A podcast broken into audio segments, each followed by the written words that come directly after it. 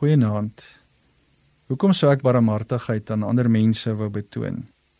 Matteus 5 vers 7 lees ons: Geseënd is die wat barmhartig is, want aan hulle sal barmhartigheid bewys word.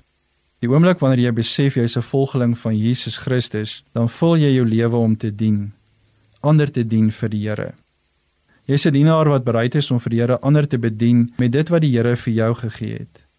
So het Jesus self gesê: Geseënd is die wat barmhartig is, want aan hulle sal barmhartigheid bewys word. God wil hê jy moet as ware agent van barmhartigheid en genade in hierdie wêreld vir hom wees. Daar is net eenvoudig nie genoeg barmhartigheid in hierdie wêreld nie.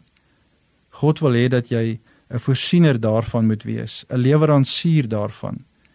Mense ontdek baie gou dat barmhartigheid soos 'n diamant is. Dit het verskeie kante en fasette. Dit alles hang af hoe jy dit draai en daarna kyk. Dalk wonder jy ook net soms hoekom jy jou lewe met barmhartigheid en genade sou wou volmaak. Mens wonder nie meer daaroor as jy besef dat jou lewe alreeds vol van barmhartigheid is wat God aan jou onverdiend bewys het nie. God verwag van ons om barmhartigheid te bewys soos wat hy op sy beurt aan ons genade op genade betoon het. Dit op sigself is 'n lewensopdrag En hierdie wederbetoon van barmhartigheid en genade aan ander bring 'n innerlike blydskap en vreugde. Dalk wonder jy ook, maar hoe bewys ek genade en barmhartigheid aan ander anders as om net in hulle fisiese behoeftes te voorsien?